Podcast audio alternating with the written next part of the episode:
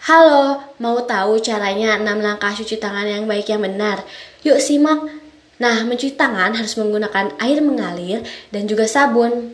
Ini menurut WHO. Yang pertama, gosok telapak tangan yang satu dengan yang lainnya.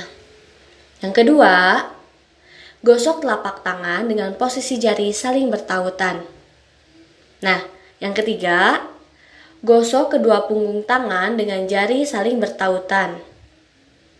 Yang keempat, gosok dengan menggunakan bagian belakang jari ke tangan yang satunya.